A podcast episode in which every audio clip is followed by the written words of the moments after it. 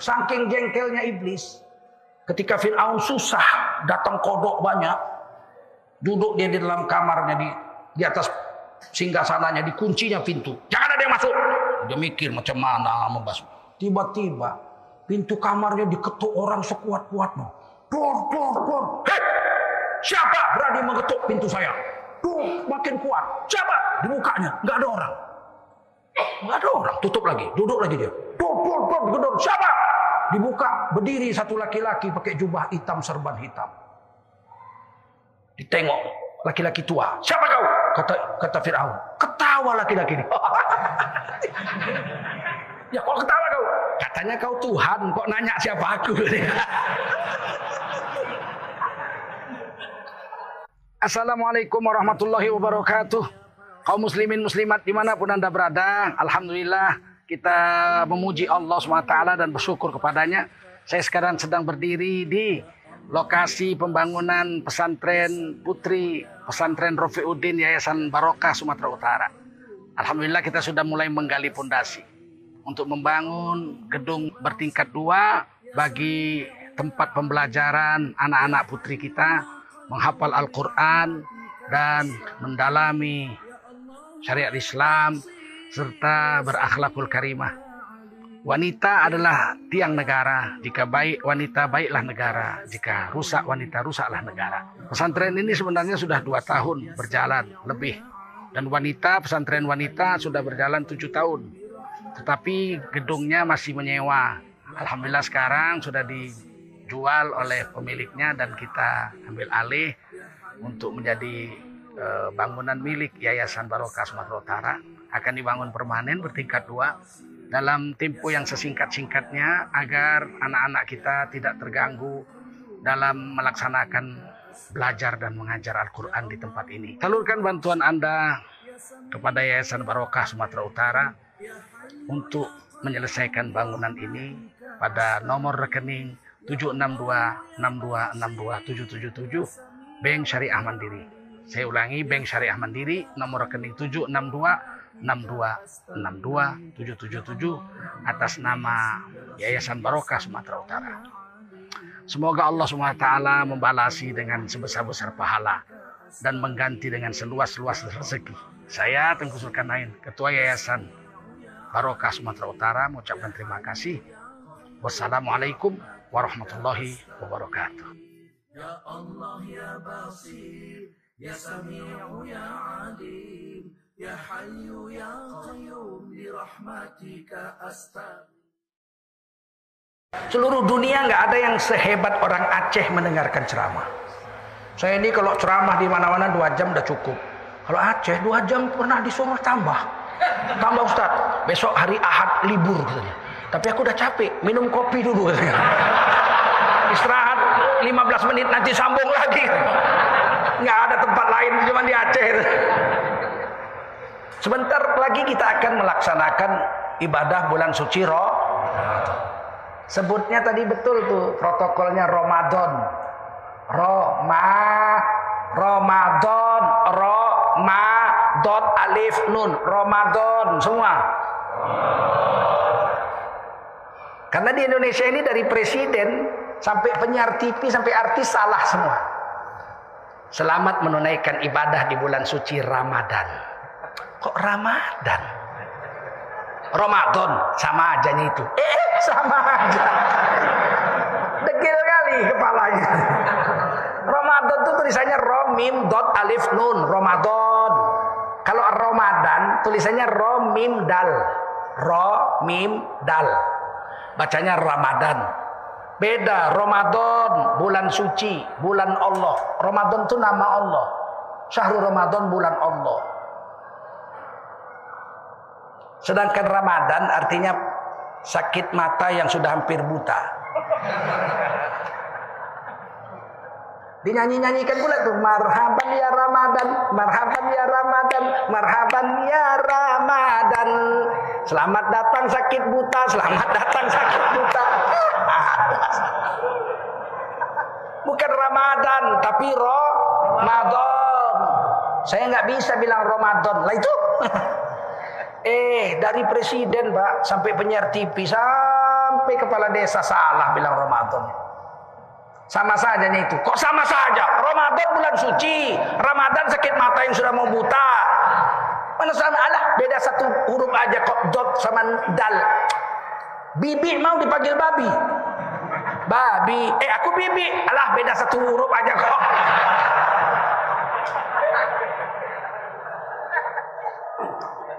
Beda huruf, beda arti, betul?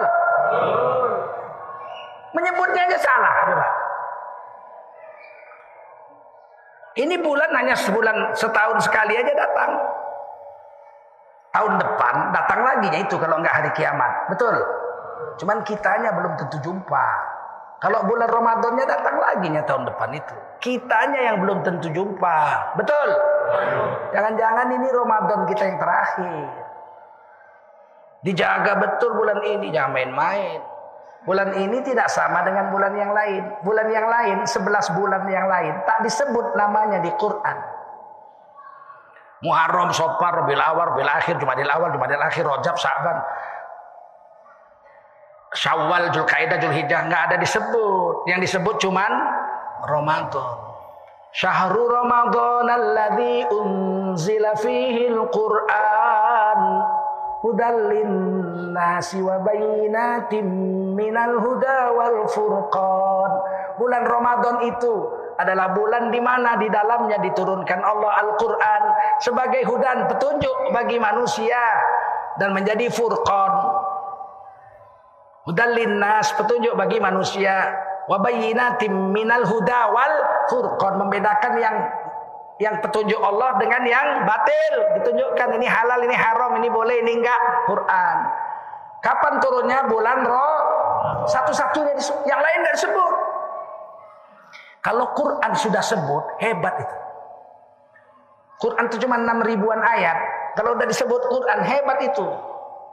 Tak ada hal yang kecil sepele ditulis di Quran. Pasti hebat semua. Buah tidak semua buah ditulis, tapi Allah ada menulis beberapa buah rumman, ada pisang, ada ada pisang, ada ah, korma, ada ditulis. Tapi tidak disumpah Allah. Buah yang Allah bersumpah dengannya dua saja, tin dengan zaitun. Bersumpah Allah, watini zaitun, waturi sinin, wahadal baladil amin. Bersumpah Allah demi buah tin dan zaitun, ini mesti hebat pak. Kenapa nggak Allah sumpah warambutani wad durian? Apa Allah nggak tahu rambutan? Apa Allah nggak tahu durian? Tak hebat. Tin zaitun disebut. Kenapa? Pasti hebat. Apa hebatnya? Dalam tafsir dijelaskan. Ketika banjir Nabi Nuh terjadi 40 hari 40 malam. Dunia ini direndam air. Nabi Nuh naik perahu hanya 76 umatnya yang ikut 76. Dalam tafsir Baghawi 76. Menantu tiga. Anak empat, satu kanan kafir. Tiga aja. Tiga anak, tiga menantu. 76 tambah 6 berapa? 82. Istri dua, satu kafir. Tenggelam, satu beriman. Naik perahu. 83. Nabi Nuh sendiri satu. Berapa? Cuma 84 orang. 40 hari dunia direndam air. Nyangkutlah perahu itu di atas sebuah gunung. Dalam kitab Taurat disebut gunung Ararat. Dalam Quran disebut gunung Judi. Wastawat alal Judi.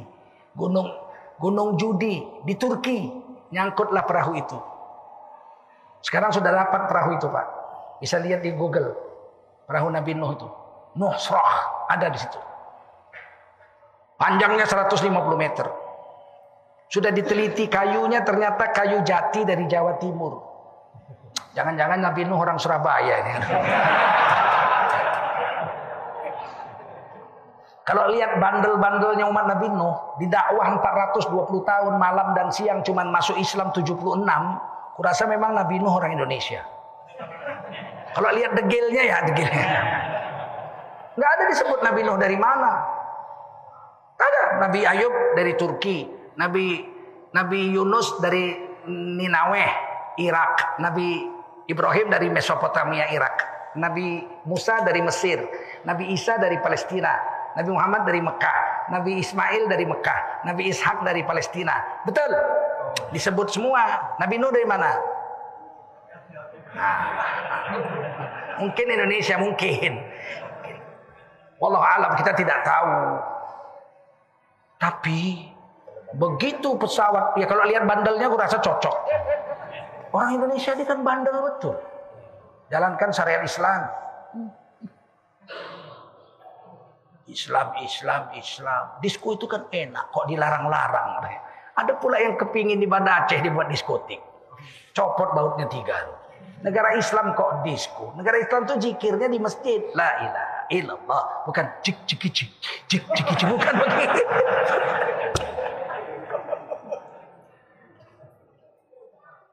Kita degil-degil kali orang kita ini. Kalau dikasih tahu agama pasti ngelak, berhentilah merokok. Kalau saya berhenti merokok, berapa juta pengangguran akan terjadi. Kenapa? Tutup pabrik rokok. Padahal dia udah tujuh tahun pengangguran. Rokok minta sama bini.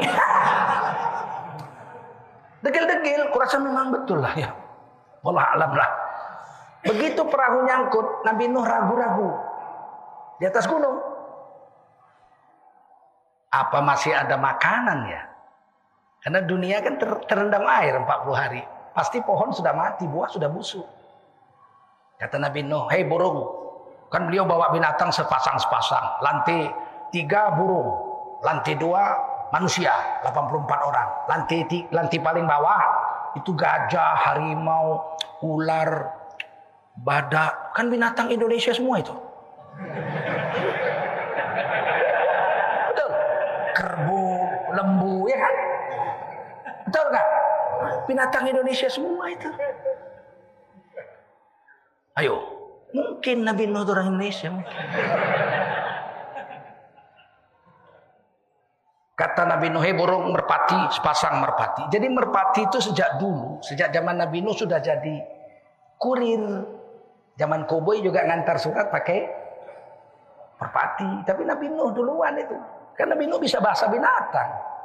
Merpati kau turun dengan istrimu ke tanah. Kan 2500 meter di atas permukaan gunung sana, di atas gunung. Coba cari makanan untuk kami. Masih ada nggak? Di kapal sudah habis makanan. 40 hari. Burung terbang nggak lama pulang burung tuh. Satu bawa setangkai buah zaitun. Satu membawa setangkai buah tin. Langsung Nabi Nuh bilang, masih ada makanan untuk kita. Ternyata buah tin dan zaitun direndam banjir 30 40 hari. Pohonnya tidak mati dan buahnya tidak busuk. Ditulis di Quran, watini zaitun. Bersumpah Allah demi buah tin dan zaitun. Tin cuma sekali disebut di Quran. Zaitun enam kalau nggak salah enam. Asal udah disebut Allah hebat, percaya nggak? Fir'aun disebut nggak di Quran? Hebat nggak? Tak ada bandit sebesar Fir'aun. Mimpi dia ada pemuda Bani Israel akan menghancurkan kerajaannya. Langsung besok pagi keluar surat perintah. Sembelih semua anak laki-laki Bani Israel. Berapa puluh ribu. Orang Israel waktu itu 700 ribu. Setahun asal lahir bunuh semua. Kan gila itu. Padahal nggak adanya pemilu. Takut kali dia. Apalagi ada pemilu. Kurasa udah. Oh cepat habiskan. Bisa mengalahkan saya itu nanti. Tiga periode 2024. Ya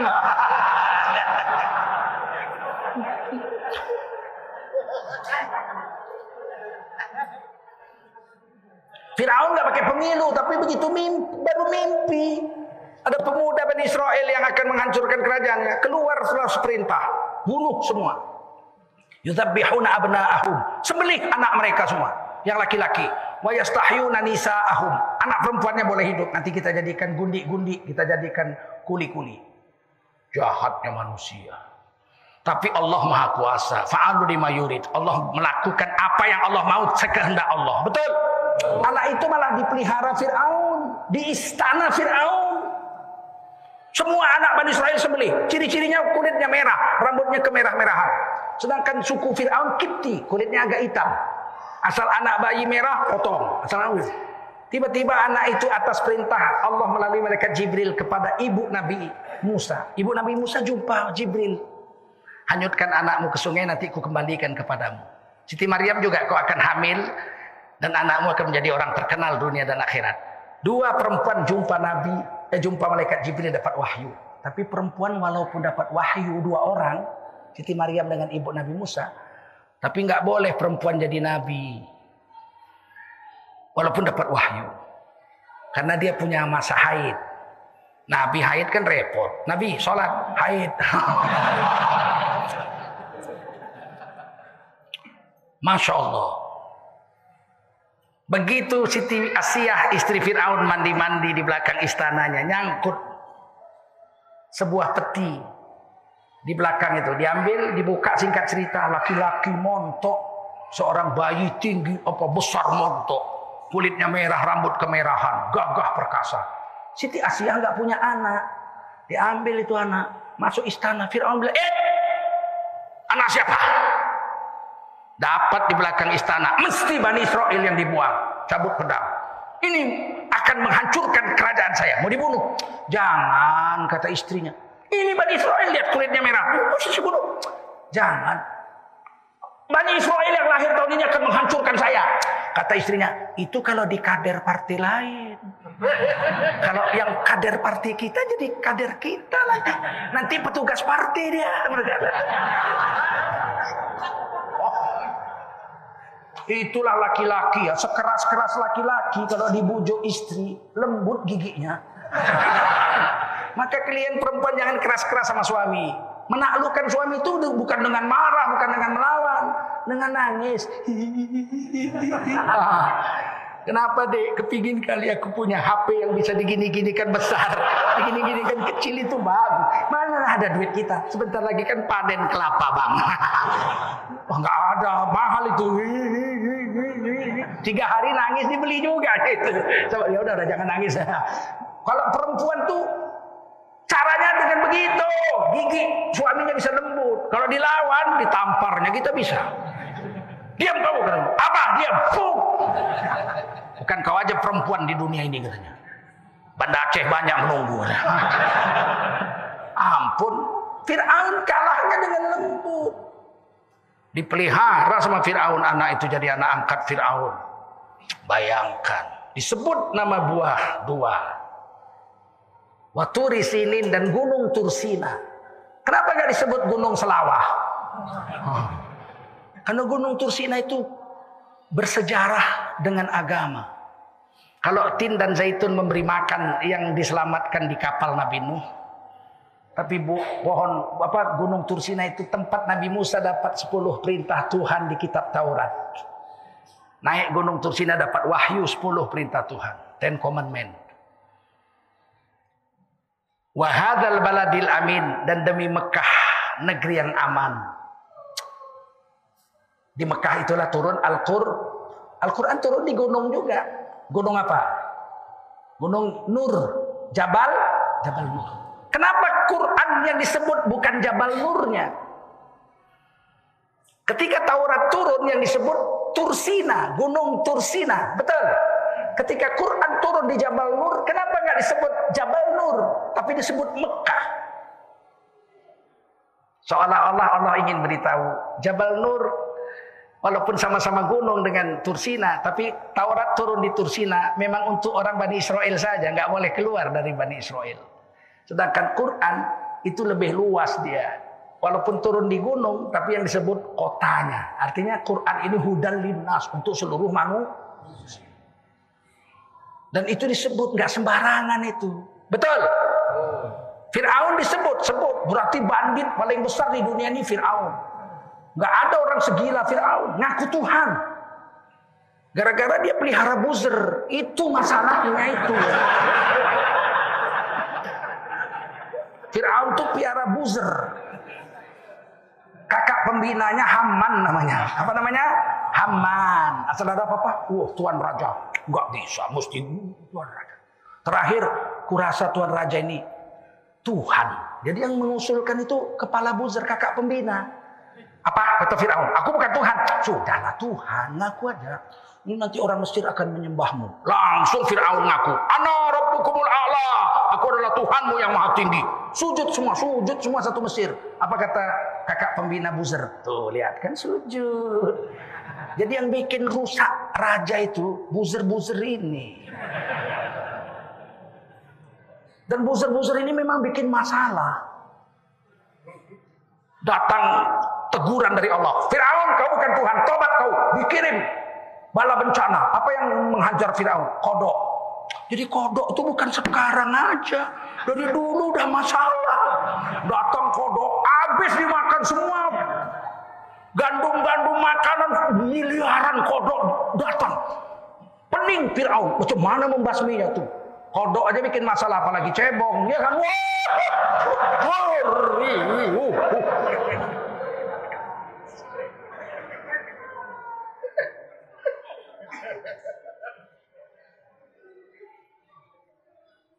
Tidak ada manusia sekejam Fir'aun sampai ngaku Tuhan. Di dalam satu tafsir, kita tafsir, iblis terkejut. Waktu Fir'aun bilang, Ana rabbukumul a'la, aku adalah Tuhanmu yang maha tinggi. Iblis terkejut. Kata iblis. Aku aja nggak berani ngaku Tuhan. Iblis memanggil Allah masih Rob. Ya Robbi, fanzurni, hai Tuhanku. Tangguhkan aku nggak mati-mati sampai hari kiamat. Ya Robbi, wahai Tuhanku. Nggak ngaku iblis aku Tuhan. Fir'aun bilang, Ana Rabbukumul A'la, aku adalah Tuhanmu yang tinggi. Kata, kata iblis, gila kau. Aku aja nggak berani ngaku iblis. Lebih iblis kau dari aku. Saking jengkelnya iblis. Ketika Fir'aun susah, datang kodok banyak. Duduk dia di dalam kamarnya, di, di atas singgah sananya, dikuncinya pintu. Jangan ada yang masuk. Dia mikir macam mana membasuh. Tiba-tiba pintu kamarnya diketuk orang sekuat-kuatnya. Dor, dor, dor. Hei, siapa berani mengetuk pintu saya? Dor, makin kuat. Siapa? Dibukanya, nggak ada orang. Nggak ada orang. Tutup lagi, duduk lagi dia. Dor, dor, gedor. Siapa? Dibuka, berdiri satu laki-laki pakai jubah hitam, serban hitam. Ditengok laki-laki tua. Siapa kau? Kata kata Firaun. Ketawa laki-laki ini. ya kok ketawa kau? Katanya kau Tuhan, kok nanya siapa aku?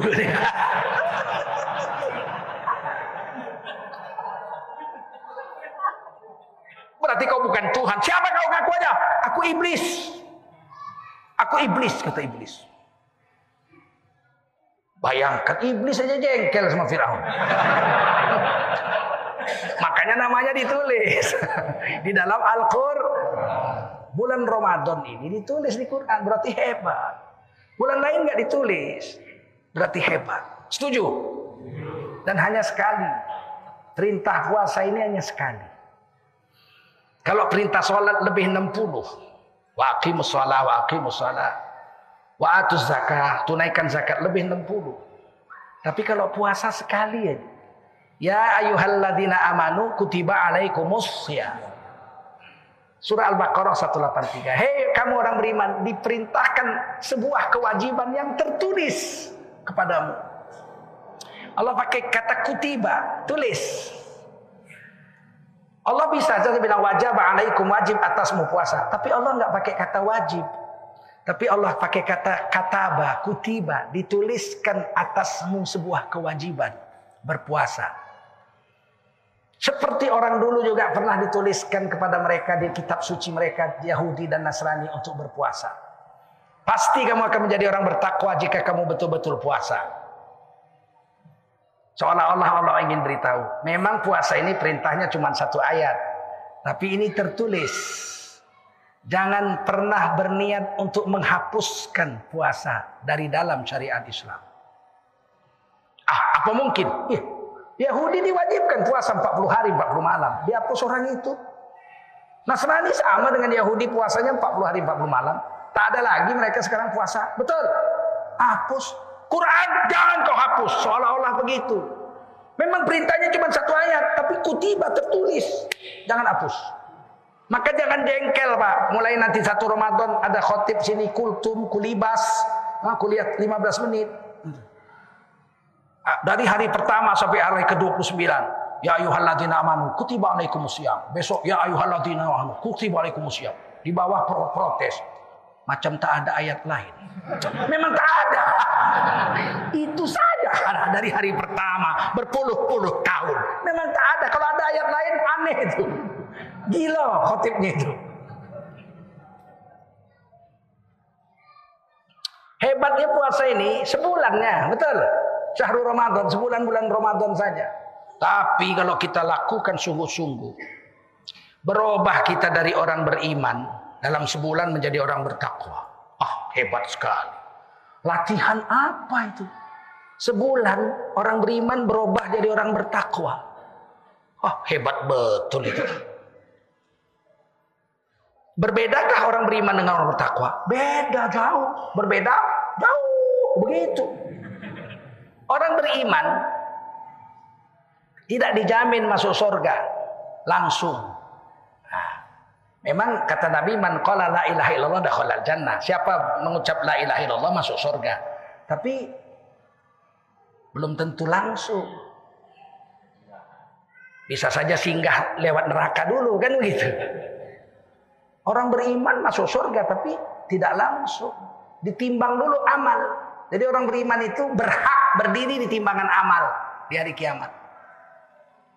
Fa'amma man fakulat mawazinuhu fahuwa fi 'aisyatir radiyah. Kalau ditimbang amal lebih banyak pahalanya dari dosanya, setelah ditimbang dia masuk surga. Pahalanya seribu, dosanya 999, hampir aja. Tapi setelah ditimbang masuk. Wa amma man khaffat mawazinuhu fa ummuhu hawiyah wa ma adraka ma hiya narun hamiyah. Kalau ditimbang amal lebih banyak dosanya dari baiknya, dosanya pahalanya seribu, dosanya seribu satu. Apa boleh buat? Walaupun beriman masuk neraka juga dulu sampai dosa yang satu itu lunas.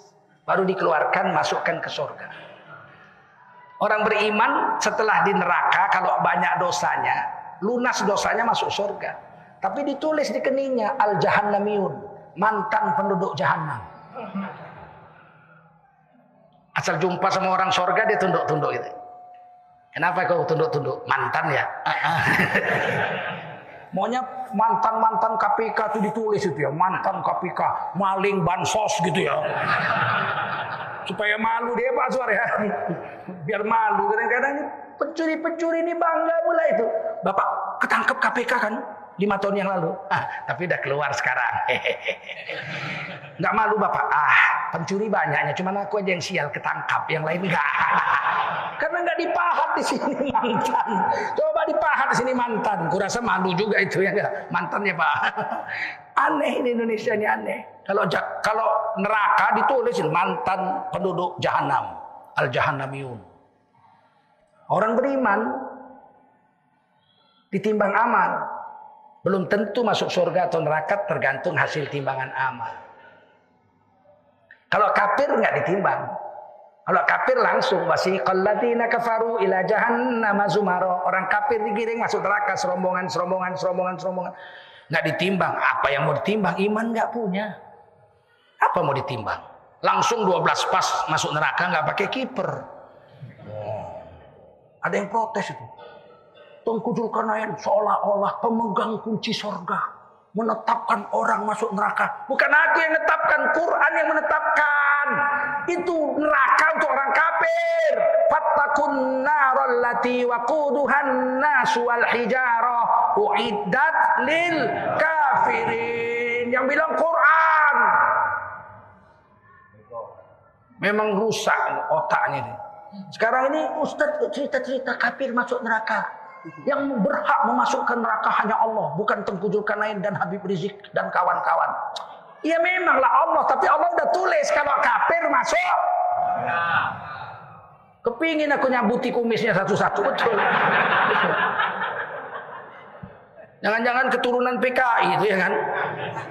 Orang udah tulis terang-terang ditulis di Quran kok. Walaupun saya kafir, belum tentu. Ah pasti. Belum tentu. Pasti. Pas. Kalau beriman, ah kalau beriman belum tentu. Kalau beri, walaupun kau beriman belum tentu kau masuk surga langsung, tergantung timbangan amal. Nah Allah nggak mau. Allah mau, hei kamu orang beriman, kamu bisa masuk surga tapi bisa masuk neraka. Puasalah kamu sebulan penuh, sungguh-sungguh, agar kamu jadi orang bertakwa. Kalau orang bertakwa, masuk surga nggak diperiksa-periksa. Kenapa? Karena sorga memang untuk orang bertakwa. Uiddat lil muttaqin. Memang untuk orang bertakwa. Dan perintah masuk sorga itu disuruh Allah.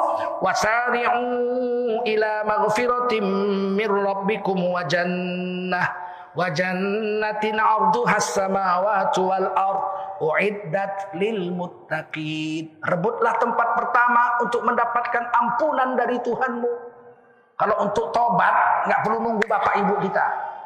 Pak, bapak dulu tobat, bapak udah tua. Mama nyusul, aku belakangan. Nggak ada. Kalau tobat aku duluan tidak boleh siapa pun mendului aku. Kalau makan tak boleh. Bapak ibu nanti saya makan dulu. Durhaka di sisi Allah SWT. Tidak berhak seorang anak laki-laki makan. Kalau bapak ibunya belum makan. Kalau hari ini kita di Pulau Sabang ini kenyang, Ibu kita di Sigli hari ini lapar karena nggak ada duit untuk beli makanan. Kita anaknya yang makan kenyang hari ini dicatat sebagai anak durhaka di sisi Allah SWT. Tidak berhak anak laki-laki makan kalau bapak ibunya belum makan. Dan anak durhaka selama-lama-lama-lamanya. Kecuali bapak ibunya memaafkan salahnya. Ingat di kita laki-laki ini. Kalau dapat duit kita jangan semua kasih istri. Kalau saya istri saya saya bawa musyawarah sejak mula-mula kawin. Gaji saya cuma 57 ribu. Saya pegawai negeri golongan 3A. Ibu masih ada. Bagaimana? Ya kita bagilah bagi. Kami empat bulan makan udang kering. Udang asin 2500 saya beli di pasar. Ditumbuk sama sungut-sungutnya ditumbuk. Empat bulan itu aja nggak ada menu lain. Sayur yang ada di halaman. Bayam duri, di belakang rumah ada daun ubi, itulah dimakan selama empat bulan. Saya biarin aja istri saya makan begitu. Gak ada makanan puasa. Digoreng, kelapa diambil, diparut. Telur satu dibelah dua. Pagi untuk sahur, malam buka puasa pakai separuh telur lagi pakai rebus bayam duri. Saya biarkan aja. Bukan puasa karena bulan puasa, puasa karena nggak ada duit.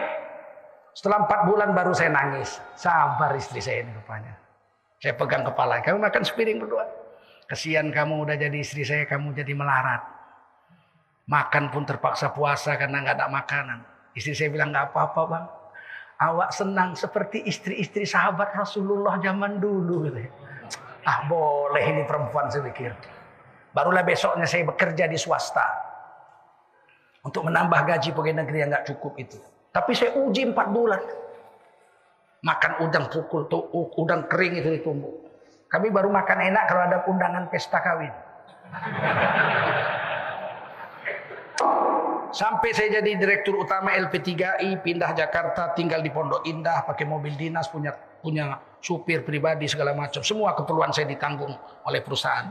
Istri saya nggak berubah, pakai cadar, pakaiannya tetap lima, dua pakaian luar tujuh, sampai sekarang. Makanya saya tidak mau kawin lagi. Tak bisa mengimbangi istri saya. Saya bilang sama istri saya, ibu saya masih hidup. Iya bang. Dan haram saya makan kalau ibu saya tidak makan. Iya bang. Satu pesanku, jangan lawan ibuku sampai mati. Siap bang. Nggak pernah saya lihat istri saya melawan. Dimarahi ibu saya. Saya tahu yang salah ibu saya. Saya tahu. Ibu saya datang marah-marah. Istri saya nangis. Iya Umi, maaf Umi, maaf Umi. Selesai marah, ibu saya pergi. Saya lihat istri saya masuk kamar, saya ikuti. Diambilnya anduk, ditutupkannya ke mulutnya, menjerit dia sekuat-kuatnya. Nggak dengar kan orang tutup anduk. Saya peluk dia dari belakang. Sabar. Ibu saya memang salah. Tapi dia ibu saya. Saya pun nggak berani melawan ibu saya. Karena Allah menyuruh kita diam. Wala takullahu ma'uf. Jangan bilang ah. Jadi kalau dimarahi ibu, dimarahi bapak, diam aja. Saya kawan saya bilang, kenapa kau nggak jawab apa yang dibilang ibumu? Kan ibumu yang salah, kita nggak salah. Tapi disuruh Allah. Wala takullahu ma'uf. Jangan kau bilang ah. Ah, ibu yang salah jangan. Jadi aku diam. Diamku ini atas perintah Allah. Pasti berpahala di sisi Allah. Saya bilang sama istri saya, kita diam. Disuruh Allah. Pasti kita akan dimuliakan Allah dunia akhirat. Di peluknya saya. Sampai wafat ibu saya dia nggak ngelawan. Sebagai balas jasa, saya bertahan tidak kawin lagi. Itu balasan saya untuk dia. Karena Nabi tidak pernah memadu istri pertama. Catat besar-besar. Woi. Woi. Nabi tidak pernah memadu istri pertama 25 tahun sampai umur 65 Siti Khadijah sebagai satu-satunya istri. Bisa aja Nabi kawin lagi, betul? Nabi lakukan? Tidak. Itu hebatnya Nabi ngasih contoh sama kita. Saya bertahan. Entahlah, sampai sekarang udah 28 tahun berhasil. Kalau besok gagal apa boleh buat. Ya. saya sudah berusaha, ya kan?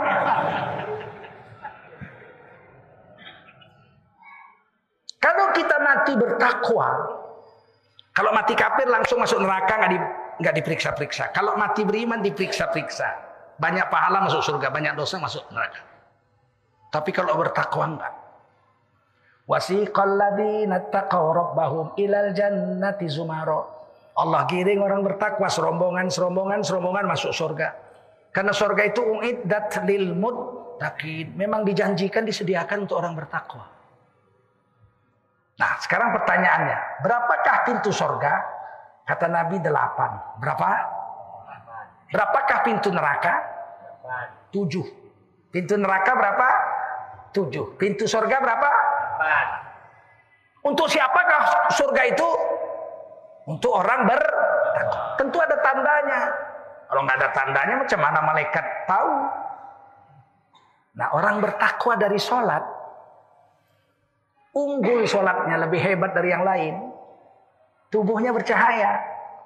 Kata Nabi min asari wudhu wa min asari sujud. Munawaroh yaumal qiyamah. Bekas sujud, bekas wudhu di hari kiamat bercahaya. Lebih terang dari matahari. Sehingga orang yang unggul sholatnya di akhirat bercahaya di padang mahsyar itu. Sehingga malaikat-malaikat cukup lihat aja. Ih, siapa ini bercahaya-bercahaya ini? Kamu siapa? Kenapa bercahaya? Mereka bilang kami umat Nabi Muhammad Sallallahu Wasallam. Apa kelebihan kamu di dunia? Kami orang bertakwa, unggul sholat kami. Sekarang mau ke mana? Mau ke surga. Silakan masuk pintu pertama, babus sholat. Pintu untuk orang-orang yang unggul sholatnya. Berduyun-duyunlah mereka masuk situ. Tidak diperiksa-periksa. Cukup lihat cahaya udah tahu. Orang-orang yang kenal dengan mereka ikut berlari-lari ikut masuk. Eh itu pamanku itu, oh, itu bibiku. Loh itu kan supirku. Loh itu kan satpamku itu yang ku bentak-bentak tiap hari. Loh itu kan nelayan yang ngantar ikan tiap hari ke rumah saya. Ikut-ikut bekejar di stop malaikat. Wamtazul yauma ayyuhal mujrimun. Orang berdosa minggir. Gak boleh ikut. Dia tanya, dari mana malaikat tahu kami orang berdosa? Mukamu itu angus. Macam pantat kuali. Tak pernah berwudu kau. Tidak bisa nipu di sana. Tidak bisa menipu. Minggir orang berdosa. Wamtazul yauma ayyuhal mujrimun. Minggir. Tapi saya beriman. Oh nanti timbang amal dulu. Hasil timbangan menentukan. Kalau orang yang unggul wudhu dan sholatnya bercahaya. Makanya kan ada filosofi gitu orang. Ada hikmah. Kenapa berwudhu itu wajah, tangan, kepala, kuping, kaki yang diperintah Allah? Kenapa nggak perut? Wudhu cuci perut. Hah? Hikmahnya di hari kiamat tidak dibungkus baju. Wajah, tangan, kuping, kepala, kaki itu tidak dibungkus baju. Sehingga nampak bercahaya. Masuk surga tanpa diperiksa. Pintunya bagus sholat. Bagaimana dengan orang yang rajin puasa, unggul puasanya? Masuk surga tidak diperiksa. Karena la'alakum tatakun. Puasa itu bertak. Ciri-cirinya. Tidak bercahaya. Saya sudah cari hadis-hadis belum ketemu. Ciri-ciri orang bertakwa karena puasa bercahaya. Tapi apa ciri-cirinya? Kata Quran, eh kata hadis. La khulufu fami so'ib atiyabu indallahi min rihil misik. Demi sesungguhnya kata Rasulullah. Bau mulut orang yang puasa di dunia. Bau apa enggak? Atiyabu indallah min rihil misik. Nanti di hari kiamat di sisi Allah lebih harum dari minyak kesturi. Ini minyak kesturi nih. Nih. Ah, ada di luar dijual nih gambar saya karena nggak laku kena covid orang yang punya minta tolong dijualkan saya mau karena ini kesukaan Rasulullah SAW misik ini dipasang di Ka'bah Jadi orang yang belum pernah umroh, belum pernah haji, mau tahu harumnya Ka'bah, cium ini. Inilah kesturi. Nanti mulut orang yang puasa di dunia bau di dunia, di akhirat lebih harum dari kesturi. Dan kalau dia keluarkan suaranya, Assalamualaikum. Keluar harum berkilo-kilometer. Malaikat menciumnya. Wow, this is a very good smell. Harum sekali mulutmu. Oh, kamu siapa? Umat Nabi. Kenapa bisa harum? Unggul dalam berpuasa. Mau ke mana? Masuk surga. Pintu kedua, Babul Royan. Babul Royan. Masuk. Hanya orang yang bermulut harum yang bisa masuk Babul Royan. Orang yang bayar zakat, infak, sodakoh, rajin mengeluarkan hartanya. Di sana ada pintu namanya babus sodakoh. Pintu untuk orang-orang yang unggul sedekahnya. Dia masuk lewat sana. Tangannya bercahaya. Ada babu zikri, pintu zikir yang ahli baca Quran, yang ahli zikir. Dia unggul mengalahkan kawan-kawan yang lain. Dia masuk lewat babu zikri. Zikir itu bukan 33, 33, 33. Itu paling sedikit. Paling sedikit habis sholat 33, 33, 33 tambah 1, 100. La ilaha illallah. Jadi 5 kali sholat 500 itu paling sedikit. Zikirlah kamu sebanyak-banyaknya kata Allah. Wadhkurullah katsira. Zikirlah kamu sebanyak-banyaknya. Ditanya, banyak berapa? Seribu. Seribu belum banyak. Sepuluh ribu. Sepuluh ribu belum banyak. Berapa banyak? Kata Nabi, hatta takula majnun. Sampai disebut orang kampungmu, kau orang gila. Oh, jadi kita zikir itu sampai orang kampung bilang, Gila, gila. Gila apa? Gila zikir. يا الله يا بصير يا سميع يا عليم يا حي يا قيوم برحمتك أستغيث.